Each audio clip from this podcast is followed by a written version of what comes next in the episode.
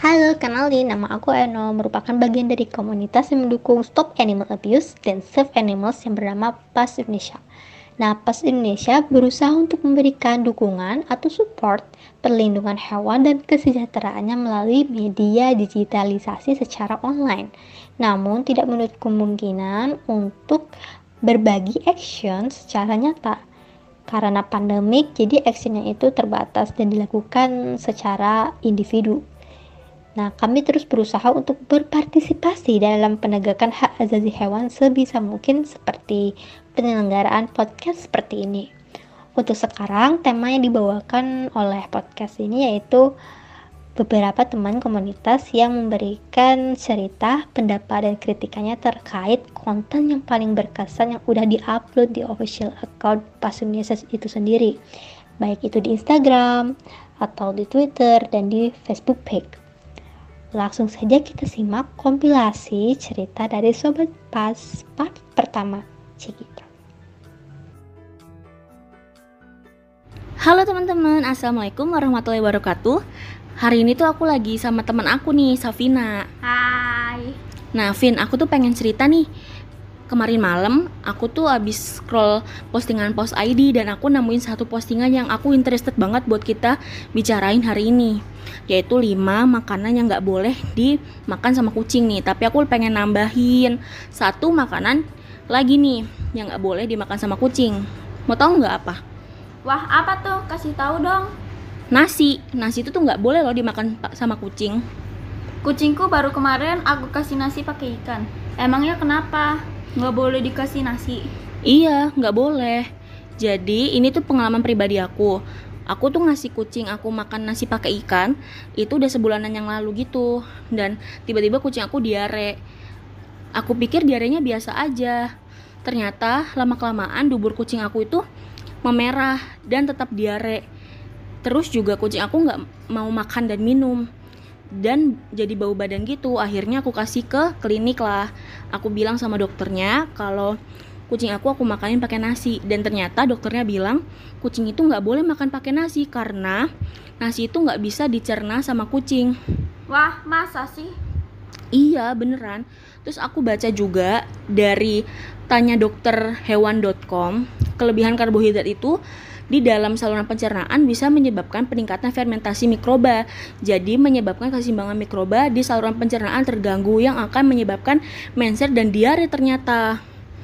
Wah, gitu ya. Makasih infonya. Iya, sama-sama. Jadi kesimpulannya adalah jangan ngasih makan kucing kita pakai nasi ya, guys. Oke, wassalamualaikum warahmatullahi wabarakatuh. Bye bye. Bye bye. Hai, Aku mau ceritain konten Paus Indonesia yang paling berkesan menurut aku pribadi.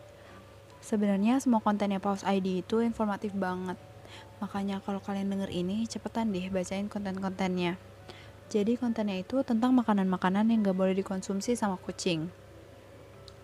Aku itu bukan orang yang dari awal emang mau pelihara kucing, jadi aku nggak terlalu mempelajari kucing sedalam itu jadi kucing-kucing yang aku pelihara sekarang itu datang gitu aja dan awalnya aku kasih makan ya yang ada di rumah kayak nasi dan ikan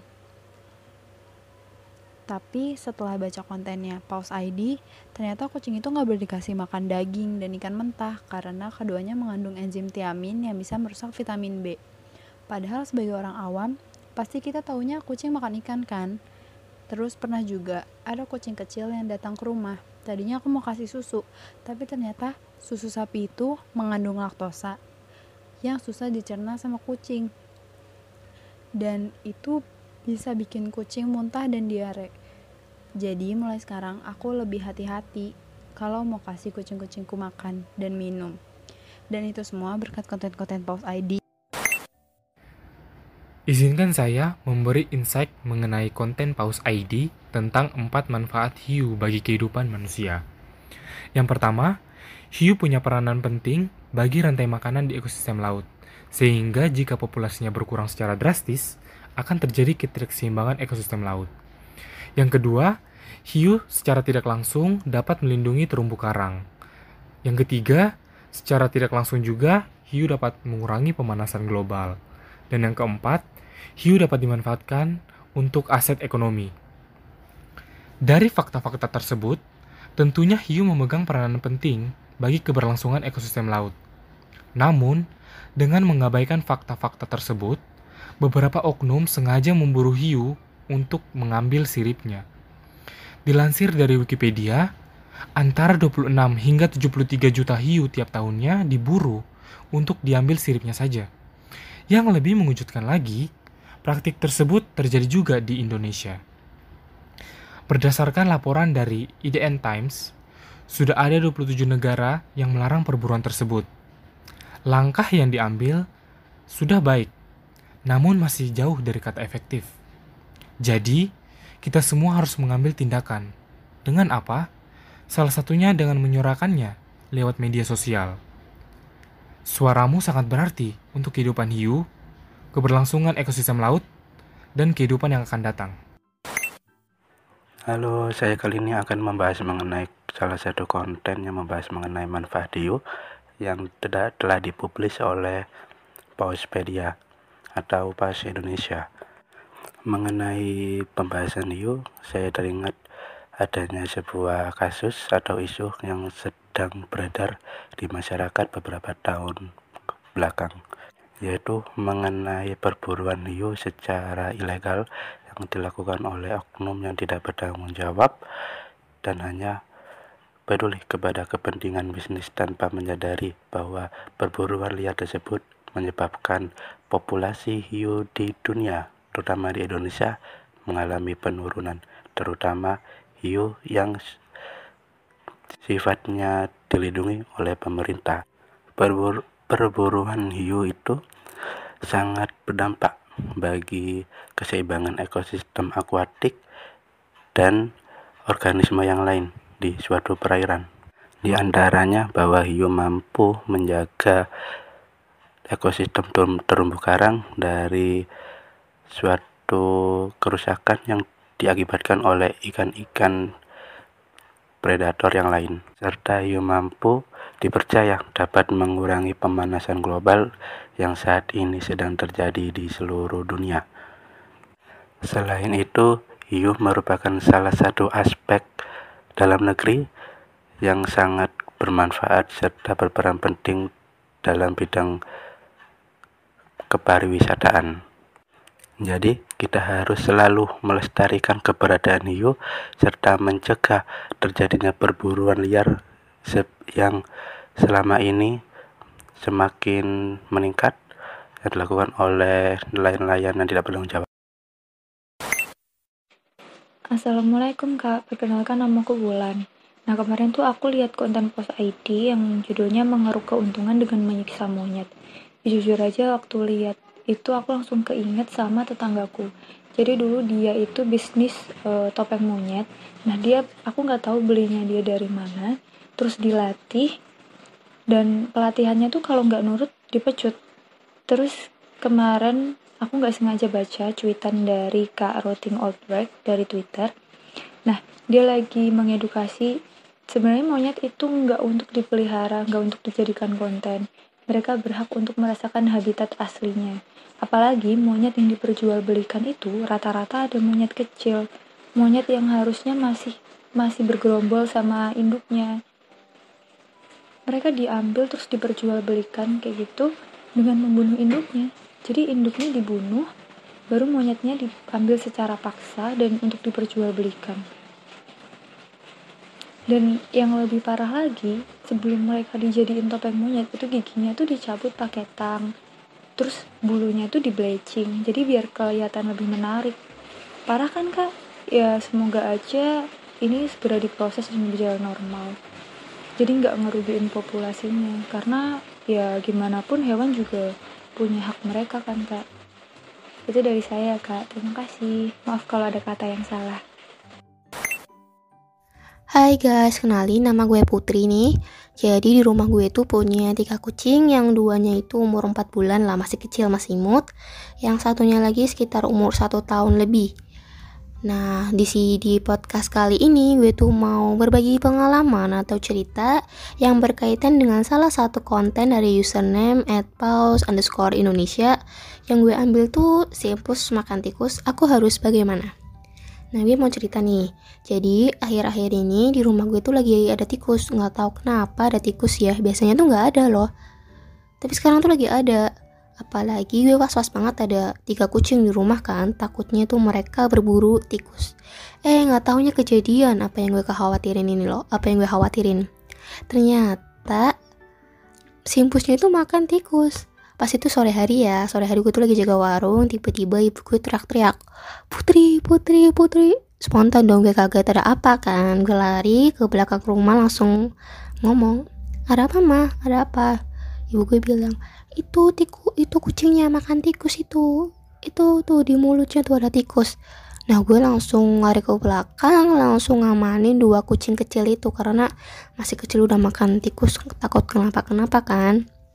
Nah nggak taunya si kucing yang besarnya itu udah makan tikus udah digigit tikusnya ke mulutnya mau gue singkir singkirin nggak bisa bisa akhirnya ya udah deh nggak apa-apa makan tikus gitu. Semoga nggak semoga nggak kenapa kenapa walaupun sampai saat ini dia sehat walafiat nggak kenapa kenapa syukurnya begitu.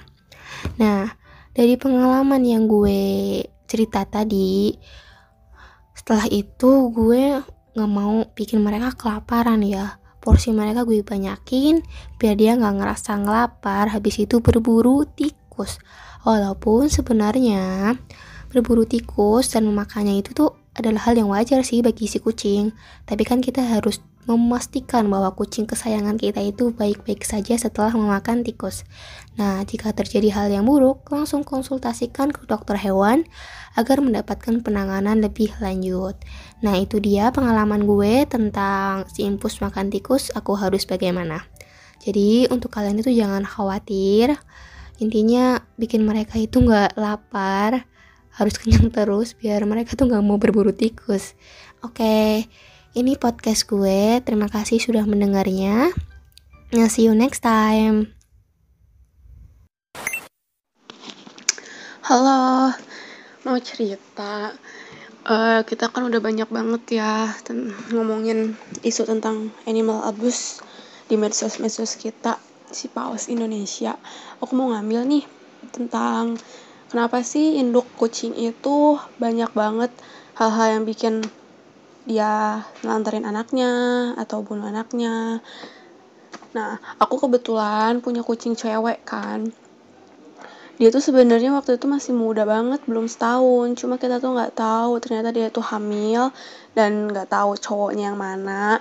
Yang pasti sih katanya yang warna hitam-hitam gitu tapi kalau aku pribadi emang belum lihat. Ternyata dia emang liar. Tapi ganteng soalnya besar gitu. Nah ternyata hamil dong. Nah pas lahiran pertama itu dapat tiga apa empat ya? Tiga atau empat sih nah yang satu emang meninggal karena emang dia kecil dan mungkin kemungkinan cacat. Yang tiga ini nggak selamat karena emang bener sih induk kucing yang terlalu muda dan dia tuh emang nggak ada persiapan. Dia tuh kayak kena baby blues gitu jadi dia nggak ngerawat anak-anaknya nggak susuin anak-anaknya pokoknya nggak ngurus deh. Sampai akhirnya beberapa hari kemudian dia meninggal. Nah beberapa bulan kemudian dia hamil lagi tapi corak sih anak-anak kucingnya sama kayak kehamilan pertama tuh. Berarti masih satu bapak tuh yang hitam putih gitu. Dapat juga empat cuma yang satu meninggal lagi karena dia cacat. Yang tiga ini selamat dan mau disusuin tuh mau diurus pokoknya sampai sekarang tuh udah 4 4 5 bulan. Tapi dia tuh mulai galak lagi dong sama anak-anaknya. Pertamanya sih dia galak sama anak dia yang warnanya sama. Mungkin sih dia hamil lagi. Halo aku Anggrene Surya. Aku mau cerita. Awalnya aku kemarin kan lagi lihat konten post ID di Instagram yang judulnya alasan induk kucing membunuh anaknya. Nah aku baca-baca itu terus aku keinget dulu tuh ada seekor kucing liar di belakang rumah. Dia baru ngelahirin tiga anaknya. Nah beberapa hari kemudian tuh aku pegang-pegang kan anaknya. Gemes lah. Siapa yang nggak gemes kan ngeliat anak kucing. Terus tuh besoknya hilang satu. Besoknya lagi mati satu. Besoknya lagi mati satu lagi. Nah yang pertama kan hilang. Terus aku cari dia. Ternyata itu mati juga tapi jauh dari rumah. Nah pas aku baca konten pas ID baru tahu. Mungkin si induk udah tidak mengenali anaknya gara-gara anaknya tercampur dengan bau kita. Jadi induknya rasa asing sama anaknya. Mungkin juga si anaknya udah nggak sehat dari awal. Nah untuk teman-teman hati-hati ya kalau ada seekor kucing yang memiliki bayi. Sebaiknya jangan disentuh dulu anaknya sampai dewasa Hai, aku Tisa. Aku pengen cerita sedikit. Jadi, uh, pada saat kemarin aku baca salah satu konten Paus ID tentang uh, alasan mengapa induk kucing membunuh dan memakan anaknya. Aku langsung keingetan salah satu kucing liarku yaitu namanya Green. Beberapa waktu yang lalu dia baru aja melahirkan dan semasa dia hamil itu perutnya emang gede banget Green ini. Aku pikir anaknya pasti bakal lebih dari satu dong karena perutnya gede banget. Tapi kemudian saat dia melahirkan anaknya cuma satu gitu. Aku aku agak sedikit bingung kok cuma satu karena pada saat dia hamil itu perutnya memang besar banget gitu. Jadi aku pikir pasti lebih dari satu nih nanti anaknya dan ternyata yang lahir cuma satu gitu. Tapi setelah aku baca uh, alasan di konten Paus ID ini, alasan kenapa induk kucing membunuh anaknya dan memakan anaknya, aku langsung kepikiran Green. Oh, mungkin aja anak-anak yang lain dibunuh lalu dia makan. Mungkin karena alasan keselamatan anaknya atau karena tidak ada makanan atau mungkin karena anaknya udah mati lebih dulu gitu karena posisinya Green ini cuma kucing liar biasa kan gitu. Jadi mungkin kondisi lingkungan dan makanan tidak mendukung gitu. Jadi dia bisa aja membunuh anaknya dan memakan anaknya tanpa sepengetahuan aku mungkin kayak gitu jadi selama ini uh, ketidaktahuan aku akhirnya terjawab juga melalui konten Pause ID ini. Gitu. Terima kasih. Halo, ketemu lagi sama aku Eno. Gimana nih dengan kompilasi cerita part pertamanya? Pastinya gaduh-gaduh kan perasaannya? Hmm, begitu. Jadi, buat teman-teman yang mau lihat konten lengkapnya, bisa langsung kunjungi official account Pas Indonesia. Kalau di IG username yaitu pas underscore Indonesia. Kemudian di FB ada pas ID kemudian di Twitter pas Indonesia tanpa underscore tanpa spasi. Kemudian di YouTube ada namanya pas ID beberapa video kegiatan pas ID di upload di channel pas ID itu Kemudian di sana akan banyak sekali konten informatif pas Indonesia yang seperti yang diceritakan teman-teman sebelumnya. Dan jangan lupa ikutin ya. Tanpa lama-lama kita lanjutkan kompilasi cerita konten paling berkesan dari Sobat Pas part kedua. Halo, aku Berlin dari Human Research sebagai Pausball. Uh, kesan pesan aku kesan dulu ya. Kesan aku sih seneng karena bisa bantu teman-teman yang lain kalau misalnya curhat. Terus senang juga kalau misalnya ada yang nanya kayak jadi uh, ngerasa dibutuhin aja gitu. Jadi seneng banget. Selain itu juga aku bisa berbagi cerita juga sama teman-teman di Pause ID uh, dan juga banyak teman-teman paus paul juga yang lainnya yang bisa bantu. Uh, yang ilmunya lebih banyak juga jadi aku bisa belajar juga. Seru sih. Uh, terus uh, pesan aku ke depannya semoga uh, semakin banyak yang peduli terhadap hewan di luar sana uh, maupun hewan kesayangan hewan liar apa pun itu pokoknya aku pengen semua orang tuh bisa respect sama di lingkungan sekitarnya kemudian Eh, semoga komunitas ini makin baik lagi ke depannya dan bisa mengajak teman-teman semuanya untuk stop animal cruelty pastinya. Hai, kenalin, suara yang kalian dengar ini namanya Sasha. Jadi aku tuh suka sama kucing. Sukanya ini pakai banget banget banget, bangetnya banyak deh. Tapi sedihnya orang tua tuh ngelarang banget yang namanya buat melihara kucing. Sedih banget kan jadi aku. Jadi rasa sayang dan cinta aku ke kucing itu aku suka ngelampiasin ke stray cats yang ada di lingkungan sekitar aku aku tuh kayaknya kalau misalnya ketemu kucing wajib banget tuh buat namanya ngelus-ngelus dagu ngelus-ngelus dagu ngelus-ngelus kepala tapi selain buat ngelus-ngelus si kucing aku tuh paling seneng kalau misalnya udah mangku si kucing di paha sambil meluk-meluk mereka cuma aku notice ini loh sering banget tuh misal lagi mangku kucing kan sambil dia lus-lus kucingnya ini kayak ngecakar kaki, ngecakar paha aku gitu loh, ngeremes-remes gitu kali ya. Nah, pas aku baca-baca fakta soalan kucing nih, aku bener-bener baru tahu loh, kalau misalnya kucing ngeremes pakai cakarnya, itu tandanya si kucing ini lagi seneng, si kucing ini lagi bahagia. Aku tuh pas baca kayak, eh kucingnya kucingnya seneng, kucingnya seneng aku peluk, kucingnya ngerasa bahagia gitu kalau aku peluk aku juga ikut seneng tahu jadi ya udah sih setelah mengetahui fakta ini aku jadi mutusin buat sering-sering dah meluk kucing. Soalnya aku seneng si kucingnya juga seneng kan. Kayak apa ya nggak apa-apa deh kalau misalnya kaki kalau misalnya paha aku ditusuk-tusuk sama cakar kucing nggak apa-apa. Yang penting kucingnya tuh seneng sama aku yang penting kucingnya tuh merasa bahagia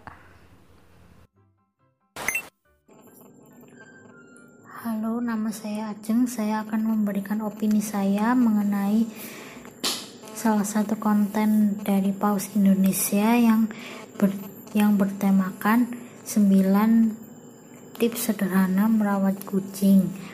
Saya akan memberikan opini saya yaitu uh, saat ini masih banyak orang yang belum belum menyadari betapa pentingnya mengkastrasi atau mensteril hewan peliharaannya baik kucing jantan atau kucing betina atau anjing jantan atau anjing betina. Mengkastrasi atau mensterilkan hewan peliharaan membawa banyak manfaat seperti membuat hewan panjang umur uh, mempunyai harapan hidup lebih lama, tidak gampang sakit, tidak agresif, dan selain itu dapat menekan populasi dari hewan peliharaan tersebut. Sekian, terima kasih. Assalamualaikum warahmatullahi wabarakatuh. Saya Frida Nurdiana Sofia akan membagikan pengalaman pribadi saya yang sesuai dengan konten Paus ID Indonesia. Konten Paus ID yang sesuai dengan pengalaman pribadi saya adalah penyakit yang menyerang pada ku, penyakit yang menyerang pada kucing yang termasuk rentan dan berbahaya menurut saya yaitu virus felin immunodefisiency virus. Ini menurut saya awalnya tanpa gejala. Lalu tiba-tiba kucing saya lemas dan tidak mau makan. Akhirnya saya mengambil tindakan dengan membawanya ke dokter. Dan akhirnya dengan segala rek, merek, dokter tersebut merekomendasikan obat. Dan bahkan menawarnya dengan opname untuk menyembuhkannya. Dan akhirnya kucing saya sembuh meskipun di rumah saya juga banyak yang tertular dan sebagian ada yang meninggal tapi kucing saya ada yang selamat dan itu sangat saya syukuri. Dan alhamdulillah sekali. Sekian cerita dari saya. Wassalamualaikum warahmatullahi wabarakatuh. Halo Sobat Paus Indonesia, selamat malam, pagi, siang, sore untuk kamu di sana. Cie kamu. podcast kali ini ditemenin sama gue Dinda Amelia yang bakal bahas dan sharing sedikit tentang kebiasaan hewan peliharaan Anda. Sahabat Paus Indonesia, di rumah gue udah ada kucing 25 lebih yang dirawat seperti anak sendiri. Malika kali ah. Yang pastinya gue udah paham betul nih kebiasaan mereka dari mulai spraying di mana-mana, garuk-garuk barang, sampai berantem. Eh, kalau berantem itu kebiasaan atau barbar ya? Oke, langsung aja kita bahas tentang kebiasaan hewan peliharaan. Cekidot. Pertama, pasti udah sering banget nih dialamin sama sobat paus Indonesia, yaitu spraying. Spraying itu adalah menandai wilayah dengan urinasi atau air seninya anabul. Kegiatan spraying ini rutin dilakukan kucing setiap hari pada kucing jantan yang berumur 8-9 bulan dan anjing sejak umur 6 bulan. Urin mengandung hormon feromon yang beraroma khas sehingga menjadi media komunikasi. Kucing menandai teritorialnya dengan tiga cara, yaitu mengencingi tempat-tempat tertentu sebagai wilayahnya, menggores, dengan mencakar dan mengusap kepalanya pada benda padat yang akan menyalurkan bau dan dari kelenjar kulitnya. Nah, Biasanya perilaku ini juga dilakukan sebagai salah satu cara untuk menghilangkan stres pada anabol kita nih. Kalian pasti juga sering ngalamin kan anabol kalian tuh spraying di tembok, mau di tembok, mau di sofa. Aduh pusing banget deh kalau kayak gitu deh. Termasuk gue. Tapi yang paling sering ngomel tuh mak gue kalau misalnya kucing gue lagi spraying. Biasanya kucing gue tuh emang ada yang barbar banget tuh spraying di mana-mana kan jadi dia tuh menandai kekuasaannya nah kalau ada kucing jantan yang deketin wilayahnya dia tuh pasti dia ajakin berantem deh. Pokoknya itu wilayah gue nggak boleh ada yang ke sini ibaratnya kayak gitu. Next menggaruk. Kucing mempunyai kebiasaan menggaruk apa pun yang dijumpainya. Jangan heran bila daun pintu, lemari sofa, atau karpet menjadi rusak akibat ulahnya. Kadang batang pohon pun digaruknya. Perilaku ini muncul sejak kecil sebagai sarana memotong kukunya. Nah, next muntah.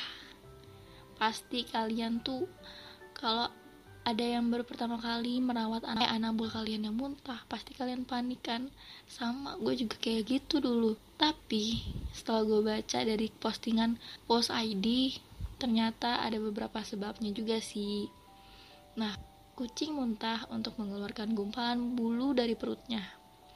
Bulu-bulu itu tertelan sewaktu kucing menjilati bulunya. Bulu-bulu tersebut tidak dapat dicerna di dalam perut sehingga menggumpal menjadi bola bulu. Untuk merangsang kucing muntah, biasanya kucing memakan rumput. Nah, kalau misalkan kucing kalian tuh um, dikeluarin tuh, pasti ada tuh kucing kalian yang makan rumput kan. Tenang, kucing kalian tuh masih tahu kodratnya, dia tuh masih kucing bukan kambing. Ternyata dia emang makan rumput buat merangsang dia muntah. Gitu loh. Jadi dia mengeluarkan gumpalan bulu dari perutnya. Nah next menggali. Kucing dan anjing gemar menggali tanah atau pasir dengan kakinya. Kebiasaan itu muncul ketika selesai membuang urin atau membuang feses maksudnya agar aroma tidak tercium. Widih, pinter juga kan anabul kita. Biar nutupin aroma dari fesesnya loh. Tapi kalian pernah nemuin gak sih anabul kalian tuh pas lagi pup di pup atau uh, lagi pipis di box letter? Tapi yang digaruk itu bukan pasirnya tapi lantainya itu konyol banget sih. Gue nggak tahu sih apa yang dipikirin sama anabul terutama kucing gue. Kenapa ya? Coba kalau kalian tahu kasih tau gue kenapa. Kemudian next mencuri. Kucing memiliki kebiasaan buruk yaitu mencuri, karena kucing termasuk hewan cerdik dan bisa juga karena kucing kelaparan. Kalau salah asuh, kucing bisa mencuri lauk pauk di meja makan. Kalau dididik secara benar, kucing pun bisa santun. Kuncinya, jangan terlalu dimanja, jangan pula kurang kasih sayang. Nah, Sobat Pos ID, jadi kalian tuh kalau misalnya ada kucing di jalanan, ayo kita coba mulai street feeding karena kasihan banget kan kalau misalnya kucing jalanan tuh sampai mencuri makan bahkan dampaknya itu kalau nggak diomelin ya kasarnya dipukul. Kasihan banget kan. Jadi coba yuk kita kita coba buat street feeding buat kucing-kucing jalanan. Tapi kucing gue tuh udah gue sayang ya. Gue udah kasih makan tiga kali sehari ditambah ikan cuek ditambah eh uh, ditambah gue makan dia ikut makan. Tapi dia tetap nyuri makanan orang dari luar. Bahkan gue temuin kucing gue pernah nyuri? Ati ayam coba. Gue nggak tahu itu dari mana. Yang panik gue dia yang dia yang nyuri yang panik gue ya Allah. Jangan ditiru ya sobat. Maksudnya ajarin kucingnya lah. Oke okay, next manja. Kucing dan anjing sangat ingin dimanja oleh pemiliknya. Mereka selalu minta perhatian disayang dan dielus bulunya bahkan mereka suka tiduran di pangkuan pemiliknya. Bener banget. Anambul gue kalau gue ajak tidur di kamar malam-malam dia pasti ngusel deh.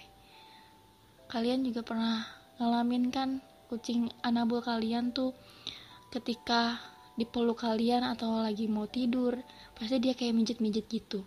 Yang gue baca sih menurut mbah Google kalau dia kayak gitu dia mengingat semasa kecilnya. Berarti dia tuh nyaman sama kita gitu loh. Karena gue senang banget kalau misalnya anak gue kayak gitu. Oke selesai dari pembahasan kali ini ya mengenai kebiasaan anabul kalian di rumah. Semoga podcast kali ini bisa menemani kalian walaupun omongan gue tuh nggak jelas. Terima kasih.